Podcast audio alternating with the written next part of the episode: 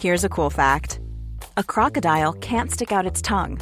Another cool fact you can get short term health insurance for a month or just under a year in some states.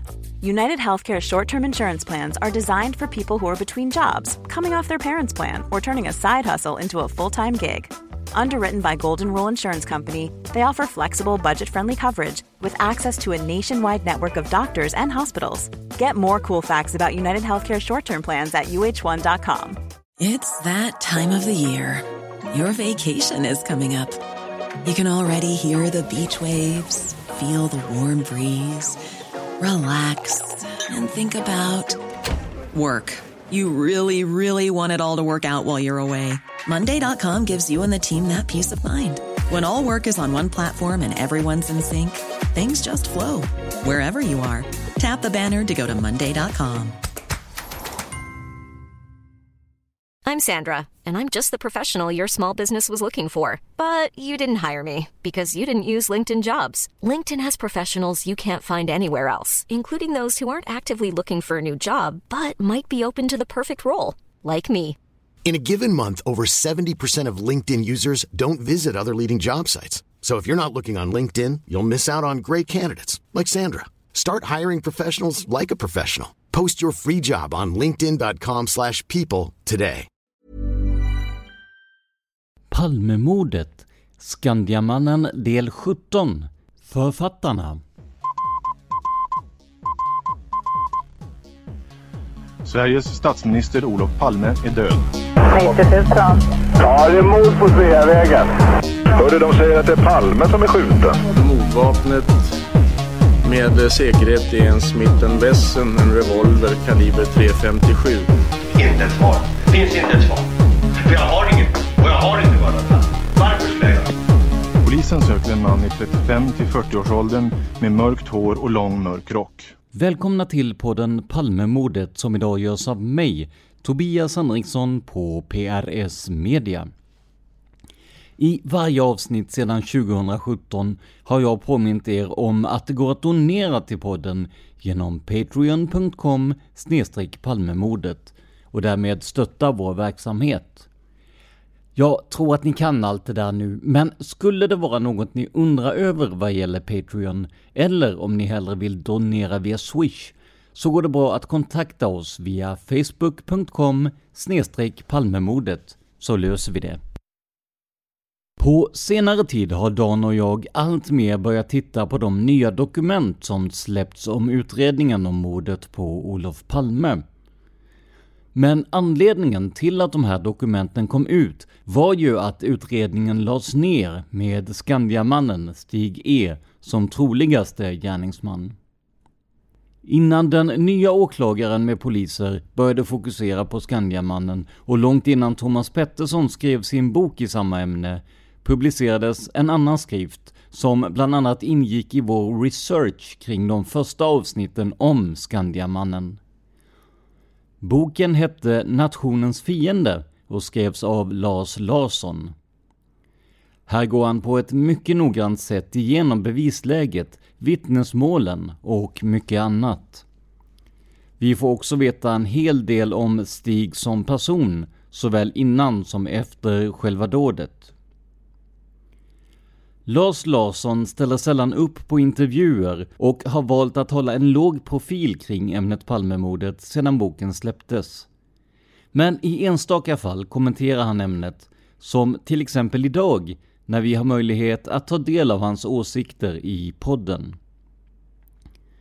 Med tanke på att Lars numera bor och jobbar i Schweiz och gärna håller sig lite i bakgrunden har han gått med på en intervju under förutsättning att han får svara på frågorna skriftligen istället för en intervju på band.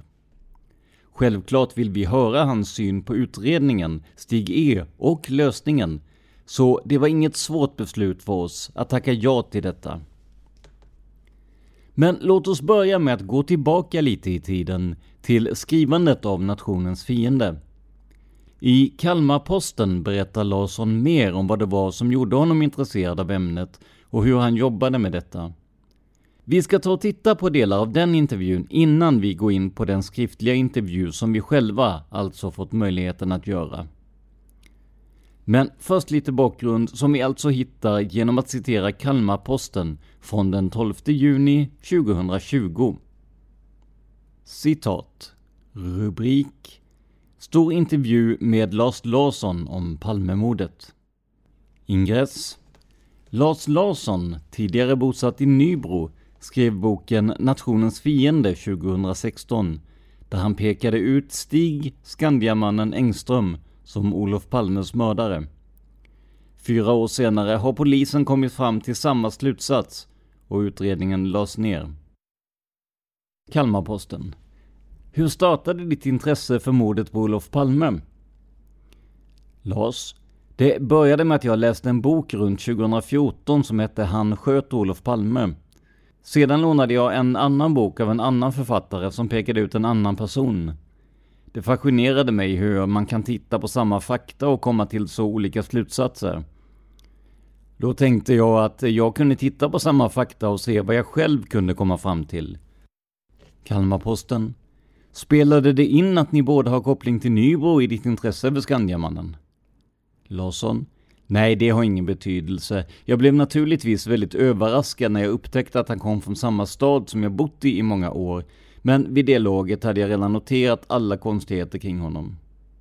Kalmarposten. Hur gick du tillväga när du påbörjade dina efterforskningar? Larsson. Jag beställde hem förundersökningsprotokollet från rättegången mot Christer Pettersson, som var på ett par tusen sidor minst, och satte mig in i det. Jag läste också igenom rapporten som granskningskommissionen lämnade 1999. Där och då fanns det inte något som stack ut eller var alldeles uppenbart, så jag bestämde mig för att gå tillbaka så långt det gick till mordplatsen. Jag läste igenom vittnesförhören som polisen genomförde ett antal gånger. Jag ställde upp tabeller och försökte se vad som egentligen hade skett.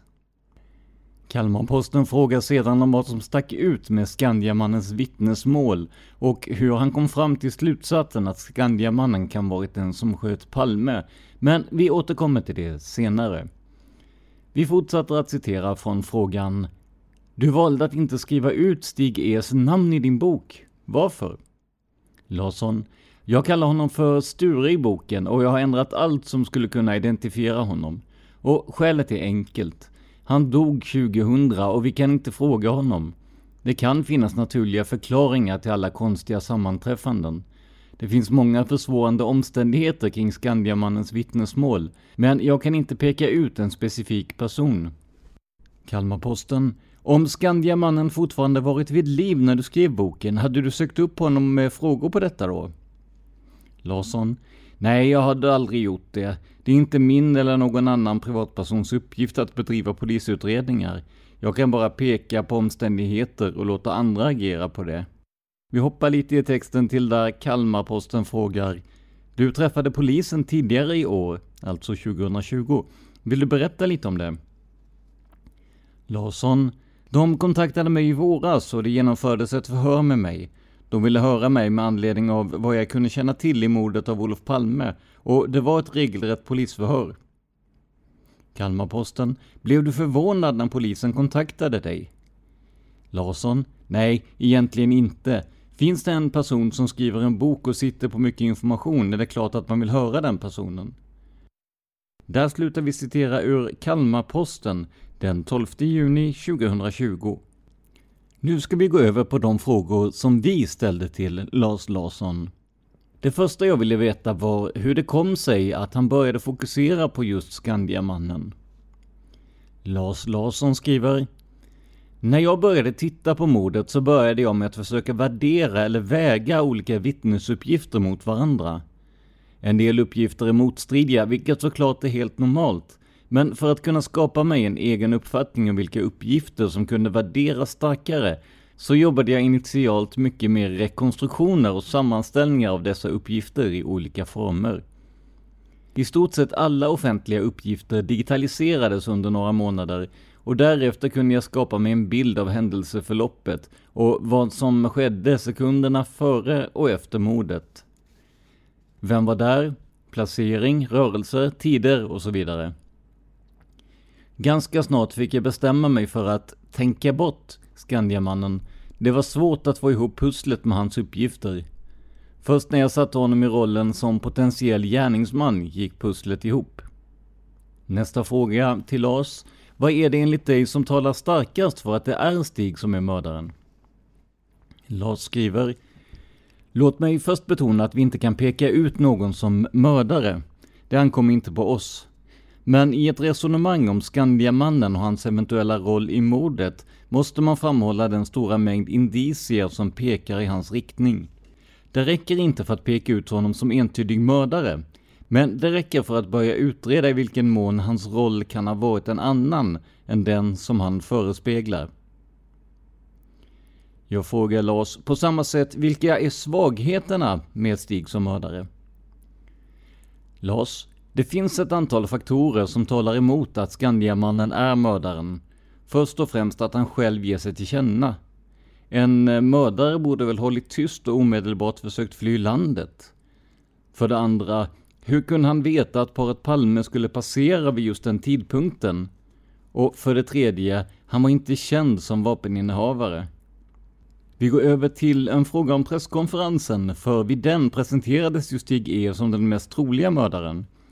Jag frågar Lars hur hans tankar gick innan presskonferensen, i den mån han nu följde den, och eh, hur tankarna gick när beskedet sedan kom. Lars? Nyheten att en presskonferens skulle hållas var glädjande. Baserat på de åtgärder som utredningen vidtagit från slutet av 2016 och framåt var det inte överraskande att Skandiamannen skulle stå i fokus. Personligen har jag drivits av att försöka få fram sanningen för familjens skull. Det går inte att föreställa sig vilket trauma hela den här historien är för de närstående, dels i sig självt, men framförallt att det har fått sådan uppmärksamhet i medier under alla dessa år. Jag hoppades därför att det under presskonferensen skulle komma fram otvetydiga bevis mot en gärningsman. Nu gjorde det inte det, och det får vi naturligtvis förhålla oss till. Jag frågar om Lars tror att det som presenterades hade gått att leda till åtal om man hade fokuserat på Skandiamannen mer intensivt på ett tidigare plan. Lars skriver nej, men om Skandiamannen hade fått samma uppmärksamhet av utredningen som 33-åringen, PKK, Christer Pettersson och andra, så är det kanske så att ytterligare omständigheter kunde ha kommit fram.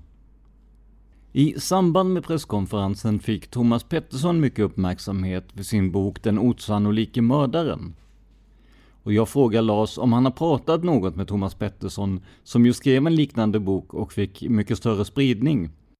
Jag frågar också om det på något sätt har känts som att han använde sig av Lars Larssons research för sin egen bok. Larsson. Thomas Pettersson har gjort en gedigen research och har ägnat mordet mycket mer tid än jag och han har fått och förtjänar mycket stor respekt för sitt arbete. Vi har inte jobbat ihop, utan bedrivit våra undersökningar helt utan kontakt. Först när min bok publicerades fick vi kontakt. Jag frågar Lars om han märker någon skillnad på hur man ser på Stig som mördare när boken kom jämfört med runt presskonferensen. Är det möjligen så att det är ett mer acceptabelt spår i allmänhetens ögon? Lars säger att det har han ingen uppfattning om. Jag har ingen uppfattning om hur Skandiamannen uppfattas av andra och har själv inte något större intresse av det. Min uppgift var att ta fram fakta och presentera den. Andra får dra slutsatser. Jag frågar också om han har varit i kontakt med andra författare eller debattörer i ämnet, antingen när boken släpptes eller senare. I så fall, vilken respons fick du? Lars Larsson svarar enkelt att nej, han har inte varit i kontakt med andra författare eller debattörer. Ja, inte förrän han pratade med Thomas Pettersson då, som vi såg tidigare. Jag frågar Lars, har du på senare tid kommit fram till något nytt i ämnet? Eller lämnade du det bakom dig i och med boken? Lars Larsson skriver, ja, även om jag numera helt har släppt ämnet så dyker det emellanåt upp nya intressanta fakta. Med tanke på det är det ju intressant att veta hur engagerad Lars Larsson är i Palmemordet idag. Han säger, inte alls. Jag bedriver ingen egen aktiv undersökning och har sedan flera år lämnat det bakom mig. Slutligen frågade jag vad han ägnar dagarna åt numera. Lars Larsson säger, precis som han sa till Kalmarposten, att han arbetar på ett internationellt företag och bor i Schweiz sedan ett antal år. I huvudsak sysslar han med analyser och affärer. Så långt alltså Lars Larsson. Nu hade det ju varit kul att titta på de förhör som Larsson ingick i, men dessa har inte kommit oss till handa än. Däremot har vi fått ut förhören med Thomas Pettersson som skrev boken Den osannolika mördaren. För att ni ska få en inblick i vilka frågor som Palmeutredningen ställde till de två författarna kommer vi att citera det här. Det här blir också intressant med tanke på att just Pettersson återkommer som gäst i podden i höst. Citat. Förhörsdatum 2017 09 29 klockan 09.00. Hörd person Thomas Pettersson. Förhörsledare Peter Staude. Biträdande förhörsledare Jonas Englund. Förhörsplats Polishuset på Olhemsgatan 30, Stockholm. Thomas bakgrund är grovarbetare, lärare och journalist, vilket han varit i 20 år. Han har i huvudsak varit frilansjournalist och har därigenom kunnat arbeta med sådant som han själv varit intresserad av. Thomas är vidare redaktör för två tidningar. Thomas intresse för Palmemordet började 2006 efter att Leif GW Persson gett ut sin bok om mordet. Thomas tog kontakt med Leif och frågade om han fick göra en intervju, vilket han inte fick göra. Leif gav däremot Thomas ett uppslag som han själv tyckte var konstigt att det inte hade uppmärksammats, vilket var att Olof Palme var agent åt USA. Detta var inte Thomas bild av Olof Palme och fortsatte därför att be om en intervju med Leif angående detta, vilket han inte heller fick då han lovat att aldrig berätta för någon om detta. Thomas grävde själv och hittade en del material i National Archive, vilket är den amerikanska motsvarigheten till Riksarkivet. Thomas fick ut en del material och skrev 2008 en artikel tillsammans med Eva Stenberg på DN. Artikeln handlade om Olof Palmes tidiga kontakter med CIA och att de under 50-talet ville värva honom. Detta blev startskottet för Thomas intresse och frågan var om detta kunde vara en orsak till varför Palme så småningom blev skjuten.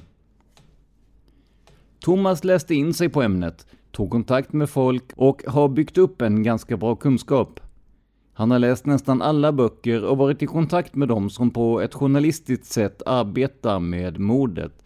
Exempelvis Lars Borgnäs, Gunnar Wall, Olle Alsen och Sven Anér. Thomas fick även en del material från Olle Alsen när han var gammal och sjuk. Efter att ha tittat på de belgiska spåren med Stay Behind var det mycket information som stämde. Thomas hade här även kontakt med en engelsman som lämnade mycket information. Senare handlade Thomas arbete mer om svenska spår, olika svenska grupper och Stig E. Thomas har ett antal personer runt sig som han arbetar och bollar med och det är censur. De har sett samma saker som alla gör som tittar på Stig E och Thomas har satt som krav på sig själv att fästa honom i en grupp eller ett väldigt starkt uttalat motiv, vilket inte är lätt. De sista ett och ett halvt åren har Thomas försökt kolla upp Stigs omgivning, familjen, vännerna, grannarna och arbetskamraterna. Thomas har hela tiden haft kontakt med Stigs fru, M, som han träffade redan 2008 alternativt 2009 tillsammans med Lars Borgnäs. Thomas har under de senaste 4-5 åren tänkt utifrån två starka motivbilder. Landsförrädarperspektivet med den förestående Moskvaresan samt Boforsaffären. Det som Thomas anser vara intressant med Stig är alla hans kontaktytor. Thomas har svårt att se Stig som ensam gärningsman, utan behöver någon som hejar på honom och tycker att han gör något väldigt bra. Kommentar, hela nästa stycke är överstruket. Slutkommentar. Thomas kommer in på och uppger att även censur arbetade på censur och Leif GW har berättat att de hoppade till när de såg var han jobbade. Thomas beskriver kort Palmes koppling till Boforsaffären och Indien samt mötet med Iraks ambassadör på morddagen. Thomas berättar att censur tagit upp Bofors många gånger. Censur var i kontakt med Palmes advokat Bertil Södermark, som också var advokat åt Boforsarna. Thomas uppger att om man är barn till en som haft en position som censur hade, så har man lite gratis skjuts in i det militära komplexet, både vad avser underrättelseverksamhet och annat. Thomas går vidare till att tala om Skandiahuset och kopplingen till Stay Behind. Huset var i vart fall för en tid centralt för Stay Behind och censurer som var verksam inom organisationen. Kopplingen är intressant och Thomas fortsätter och säger att den delen av Stay Behind som Stig skulle kunna tillhöra är propagandadelen, men den vet man väldigt lite om. Stig skulle enligt Thomas kunna vara en person som vid en ockupation arbetar underjordiskt med propaganda och grafisk produktion. Vidare var Stig väldigt nationalistisk och en fosterlandsvän. Stigs första jobb var på dåtidens motsvarighet till censur, där han under tre och ett halvt år arbetade som tecknare, vilket skulle kunna varit en inkörsport till det hemligaste vi hade. Thomas återkommer till M, kommentar Stigs dåvarande hustru, slutkommentar, som tidigt berättade att hon och hennes mamma brukade åka till Storlien. I Storlien var det censur. Censur är en av de få som har talat om Stay Behind och M's mamma var välbekant med honom. Detta ska enligt Thomas ha varit innan Stig kom in i bilden. Thomas kommer in på vännerna till E och medger att han vet väldigt lite och är beroende av vad de väljer att berätta för honom. Censur tog det väldigt lång tid innan han fick höra om. Thomas tar fram ett fotografi där Stig, censur samt en okänd person som skulle kunna vara censur återfinns. Censur gick på censur och blev senare censur censur. Censur var den som fick in Stig i politiken. Stig var väldigt social och omtyckt samt fixade det mesta av trycksaker. Lång censur och flyttade ut i världen. När mordet hade skett skrev Stig två A5-papper om vad som hade hänt under mordnatten som han skickade till censur. Censur har sagt att han tog upp det med andra moderater när han var hemma på semester. I samband med rättegången mot Christer Pettersson blev uppgifterna i utredningen om vad som har sagts och gjort mer offentliga och då fick censur väldigt bråttom då informationen i brevet stämde väldigt dåligt med det som framkommit. Thomas uppger att Stig sagt att han talade med Lisbeth, medan hon inte har talat med någon på det sättet. Censur skickade då breven med en kurir till Palmeutredarna för att göra dem uppmärksamma på skillnaderna i vad Stig sagt kontra det som Lisbeth uppgivit. Thomas tolkade det som att censur fick lite kalla fötter och blivit ängslig över att han inte tidigare hade meddelat sig. Breven kom aldrig fram utan hamnade hos Stig, vilket uppdagats långt senare. Censur har uppgivit till Thomas att han inte har någon kopia på brevet. Thomas har en känsla av att censur har mer att berätta om han möter en polis. Något som Thomas fäste sig vid var att censur i samtal uppgivit att han aldrig såg censur censur. It's that time of the year. Your vacation is coming up. You can already hear the beach waves, feel the warm breeze, relax and think about work. You really, really want it all to work out while you're away. Monday.com gives you and the team that peace of mind. When all work is on one platform and everyone's in sync, things just flow wherever you are. Tap the banner to go to Monday.com. Ready to pop the question? The jewelers at Bluenile.com have got sparkle down to a science with beautiful lab grown diamonds worthy of your most brilliant moments. Their lab grown diamonds are independently graded and guaranteed identical to natural diamonds, and they're ready to ship to your door. Go to Bluenile.com and use promo code LISTEN to get $50 off your purchase of $500 or more. That's code LISTEN at Bluenile.com for $50 off. Bluenile.com code LISTEN. Burrow is a furniture company known for timeless design and thoughtful construction and free shipping, and that extends to their outdoor collection. Their outdoor furniture is built to withstand the elements, featuring rust-proof stainless steel hardware, weather-ready teak, and quick-dry foam cushions. For Memorial Day, get 15% off your Burrow purchase at burrow.com slash ACAST and up to 25% off outdoor. That's up to 25% off outdoor furniture at burrow.com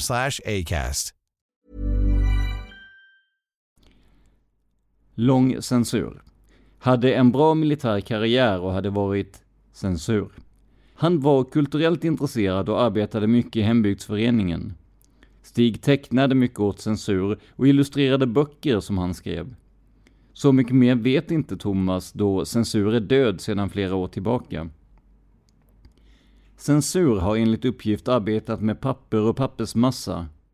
Censur var konservativ. Det var kungen och fosterlandet som gällde, den äldre typen av högermänniskor.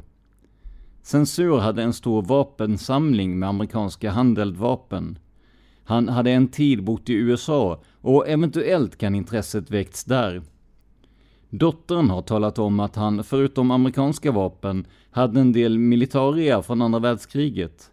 Han var aktiv inom hemvärnet, eventuellt i Täby. Det var censur och Stig med fruar som umgicks och spelade bridge tillsammans. Stig hade ett umgänge där han var lägst i social status. Det som är en gemensam nämnare är att flera har gått på Sjökrigsskolan i Täby, Näsby Park. Det är överhuvudtaget väldigt tätt med militärer i Täby, både marinofficerare och underrättelsefolk. Moderaterna har också väldigt många militärer på den tiden. Thomas återkommer till censur och uppger att han kände hela det högre etablissemanget inom marinen. Censur såg Palme som en landsförrädare och drev egna spaningsgrupper som övervakade de så kallade T-lastbilarna. Censur betalade pengar, censur var mer organiserade och sen var det någon person till som Thomas inte vet vem det är. Censur var övertygad om att Sverige stod inför ett överhängande invasionshot från Sovjet. Angående spaningsgrupperna kan inte Thomas uppge mer än det han nu har berättat. Det skrevs om det i någon tidning som Thomas eventuellt kan vidarebefordra till Palmegruppen. Censur var lite av samma skrot och korn som censur. Censur var bosatt i Täby, också marinofficer och även censur, censur, censur. Om Stig skulle vara gärningsman så måste han enligt Thomas fått en knuff någonstans ifrån. Det var ingen som tog Stig riktigt på allvar, vilket störde honom, då han hade ett enormt behov av att få bekräftelse, och någon måste ha hittat hans ömma punkt.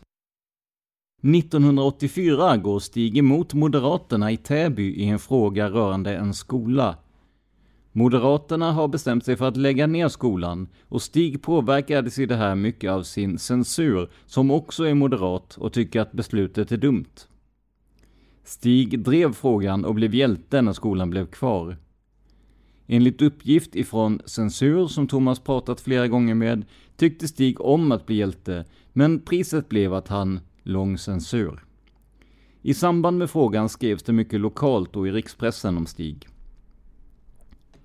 Thomas funderar på om det kan vara så att Stig plockas upp av någon annan efter att han uteslöts ur Moderaterna. Thomas fortsätter och berättar att ute i Täby bodde även Censur, som är med och grundar Kontra. Kontra var till höger om högern och Censur blev kallad högerextrem, vilket han drev en process om. Det var Kontra som gjorde den aktuella piltavlan med Palme och ryktet går om att det skulle vara Stig E som skulle ha illustrerat den, men Thomas har inte kunnat bekräfta det.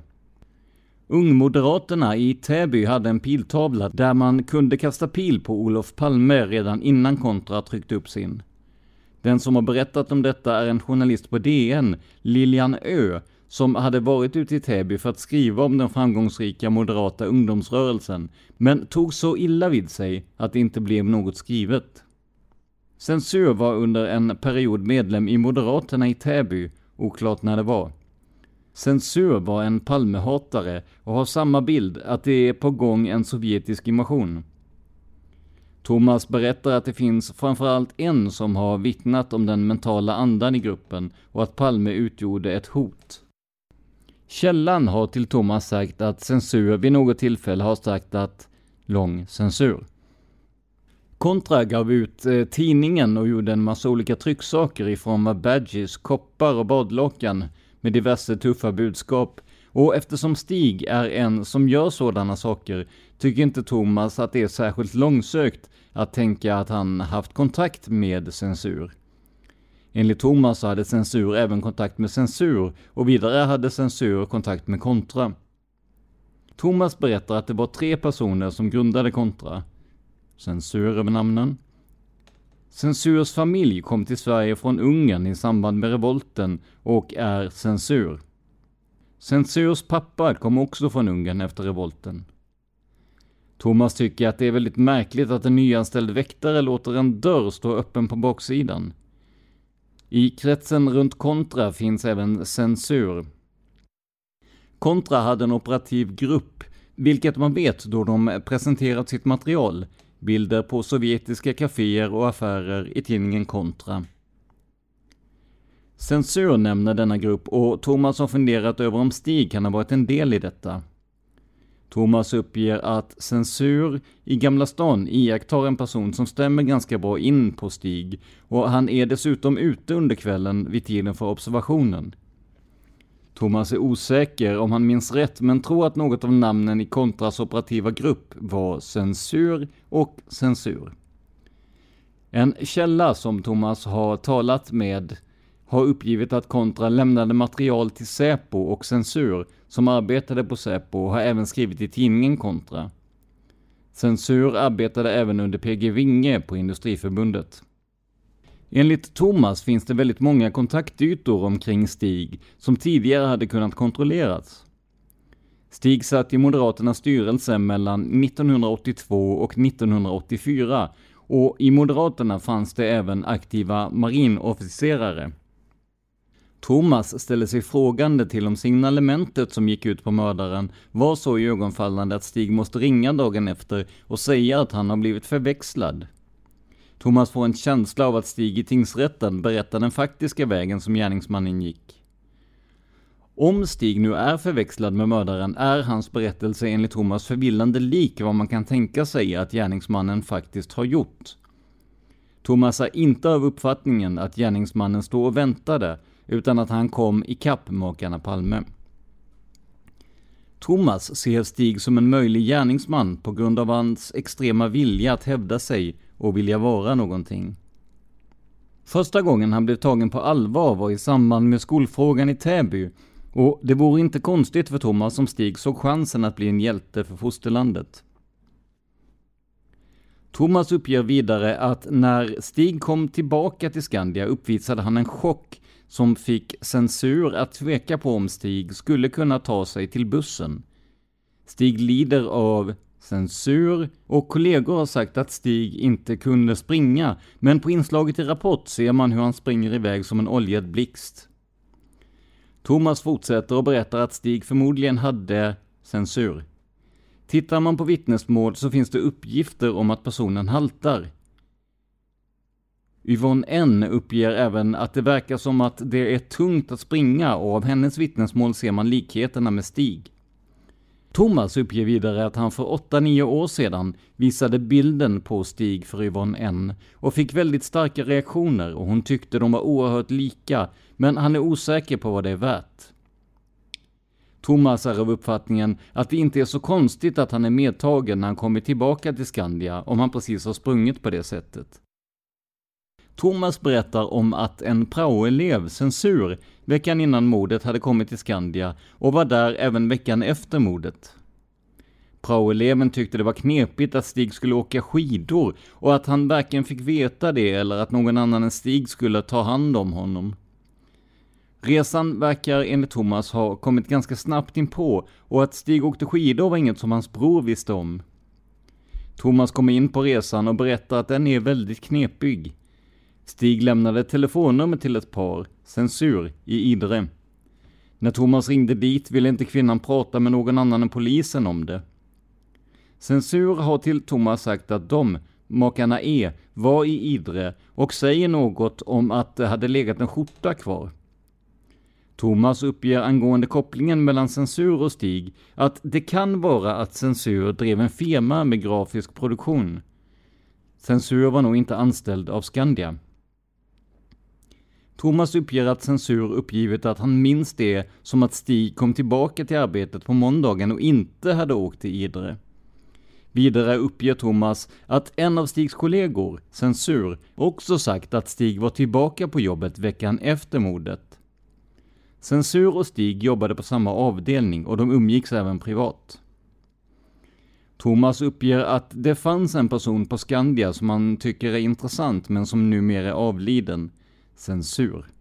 Han hade en militär bakgrund som reservofficer inom marinen. Det som är intressant är att han är barndomsvän med Censur, som enligt Censur ska ha varit ledare för Lennartgruppen. Både Censur och familjerna umgicks, men Thomas har ingen bekräftad uppgift på detta. Censur är vidare insyltad i Boforsaffären och i en bok skriver han att han inte litade på Olof Palme.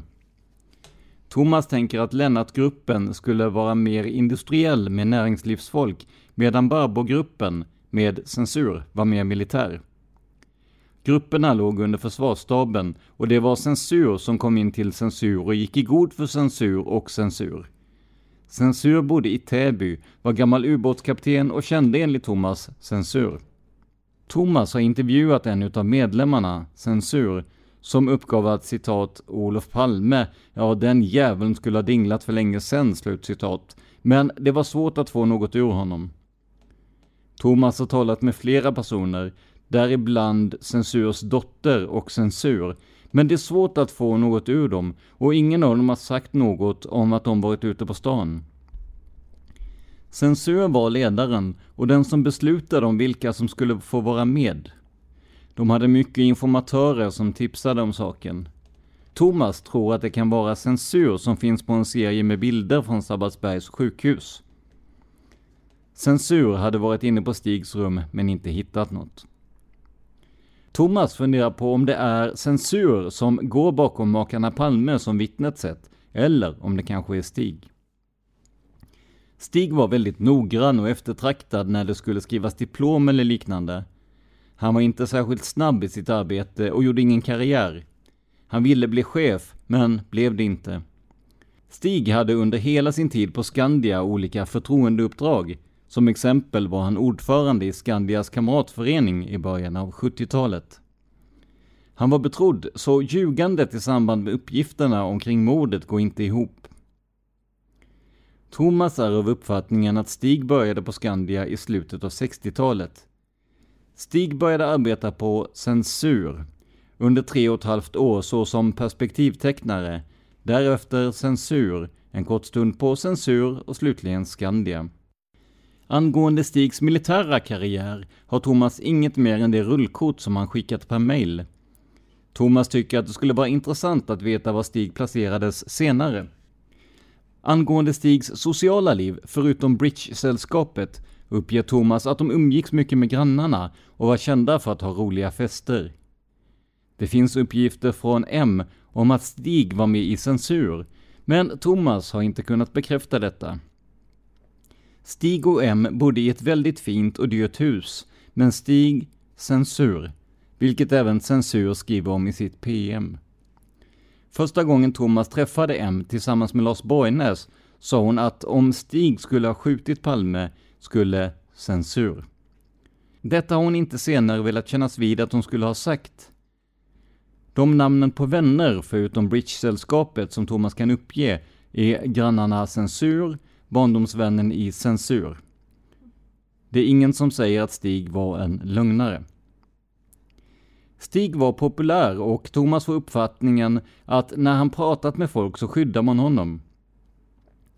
Thomas pratar om Stigs bråda lördag när han ringer till censur och sedan polisen. Att han blev fotograferad av Svenska Dagbladet på lördagen och att M uppgivit för Thomas att hon inte minns detta, men att hon kom ihåg att hon sa att de inte fick ta någon bild av huset. Anledningen till detta var att hon tänkte att tidningarna skulle skriva censur. Detta var något som Thomas reagerade på. Angående Stigs kontakter med journalister uppger Thomas att det var någon som hade kontakt med någon i samband med rapportinslaget, men vem det var vet han inte. Lars Kristiansson var den journalist som drev en egen agenda och drev fram historien med marinofficerarna. Kristiansson hade kontakter med höga militärer och Thomas tror att han var med och skrev boken Operation Garbo. Thomas är av uppfattningen att det finns ett antal som har blivit tillfrågade om att skjuta Olof Palme, men de professionella backade då de insåg vilket helvete det skulle bli. Detta talar enligt Thomas för att det är någon som inte riktigt begriper vad denna ger sig in på. Stig är enligt Thomas en person som inte riktigt kan se konsekvenserna. Censur på Skandia och censur, kommatecken censur, står omnämnd i Censurs PM och de hade en del med varandra att göra, bland annat om Censur skulle få tillstånd att gå in på Stigs kontor. Censur vill inte kännas vid att han pratat med Stig, vilket dock står i Censurs PM. Censur fick lämna Skandia och Thomas vet inte om Censur själv vet varför. Thomas har sett en intervju med Censur, före detta IB, som tar upp förhållandena på Skandia och i samband med detta sägs det att man inte kunde ha kvar Censur på Skandia då han var censur. Censur har i samtal med Thomas uppgivit att Censur var ute efter belöningen. Censur hånskrattade bara åt Thomas när han ringde och ville prata om Stig. Angående censur berättar Thomas att han var anställd av IB och avslöjades i samband med IB-affären, men behöll en roll inom underrättelsedelen. Thomas hade kontakt med honom i samband med att han skrev artikeln om Palmes kontakter med CIA. Censur hade mycket kontakter med censur och grunden var det så kallade Skandiabrevet. När censur och censur träffades och samtalade kom censur på tal eftersom brevet rörde interna saker på Skandia. Brevet slutar med att fyra av dem som under mordkvällen iaktogs tillhörde Skandias säkerhetspersonal. Censur, censur och censur på DN diskuterade detta dokument, men Thomas uppger att det aldrig talades om säkerhetspersonalen. Thomas minns ej ordagrant vad som står i brevet eller vad som sades. Thomas har en kopia på intervjun. Tiden då Stig Engström ska ha varit aktiv på censur var censur. Förhörsutskriften har av Thomas Pettersson efter genomläsning godkänts. 2018 01 12 Peter Staude, inspektör. Där slutar vi citera förhöret med Thomas Pettersson. I det här förhöret nämns TIR-lastbilar det här var utländska lastbilar vars officiella uppgift var att transportera gods genom Sverige, men som istället kom att fungera som underrättelsespioner för östblocket. De här bilarna kunde ofta ses utanför till exempel militära flygfält eller förråd, till synes med motorproblem eller liknande. Lastbilarna var allt som oftast tomma, så när som på spaningsutrustning för att ta reda på mer om det svenska försvarets utrustning och beredskap. Detta enligt sajten Kalla krigets historia. I övrigt kommer det fram en hel del uppgifter i det kraftigt censurerade protokollet som kan vara av intresse. Men vi spar uppföljningen av det tills vi har möjlighet att fråga Thomas Pettersson själv vilket blir under hösten 2020. Men vi kan i alla fall konstatera att trots en noggrann maskning av förhöret finns det en hel del trådar att fortsätta dra i. Här pratas, som ni hörde, om allt från Stay Behind till vapensamlaren till Palmehat på den politiska högerkanten i Sverige. Palmemordet finns på facebook.com palmemordet. Där svarar Dan och jag på företrädesvis frågor om podden och avsnitten. Vi finns också på patreon.com palmemordet där du kan sponsra podden med en summa per publicerat avsnitt. Länken finns också i avsnittsbeskrivningen. Det här var veckans avsnitt av podden Palmemordet som idag gjordes av mig, Tobias Henriksson på PRS Media. För mer information om mig och mina projekt besök facebook.com prsmedia.se eller gilla oss på Instagram där vi heter prsmedia, Ett ord, små bokstäver. Stort tack till alla som diskuterar avsnitten och till er som sponsrar oss på Patreon. Men framförallt, stort tack för att du Lyssna på podden Palmemordet. Man hittar Palmes mördare om man följer PKK-spåret till botten. Därför att ända sedan Julius Caesars tid har det aldrig hört talas om ett mord på en framstående politiker som inte haft politiska skäl. Polisens och åklagarens teori var att han ensam hade skjutit Olof Palme. Och det ledde också till rättegång. Men han frikändes i hovrätten.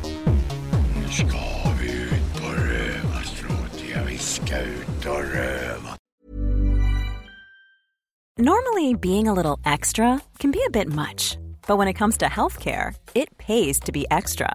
And United Healthcare makes it easy with Health Protector Guard fixed indemnity insurance plans. Underwritten by Golden Rule Insurance Company, they supplement your primary plan, helping you manage out of pocket costs without the usual requirements and restrictions like deductibles and enrollment periods. So when it comes to covering your medical bills, you can feel good about being a little extra. Visit uh1.com to find the Health Protector Guard plan for you. Hey, it's Danny Pellegrino from Everything Iconic. Ready to upgrade your style game without blowing your budget? Check out Quince. They've got all the good stuff shirts and polos, activewear, and fine leather goods, all at 50 to 80% less than other high end brands. And the best part? They're all about safe, ethical, and responsible manufacturing. Get that luxury vibe without the luxury price tag. Hit up quince.com slash upgrade for free shipping and 365 day returns on your next order. That's quince.com slash upgrade. Here's a cool fact a crocodile can't stick out its tongue. Another cool fact you can get short term health insurance for a month or just under a year in some states. United Healthcare short term insurance plans are designed for people who are between jobs, coming off their parents' plan, or turning a side hustle into a full time gig.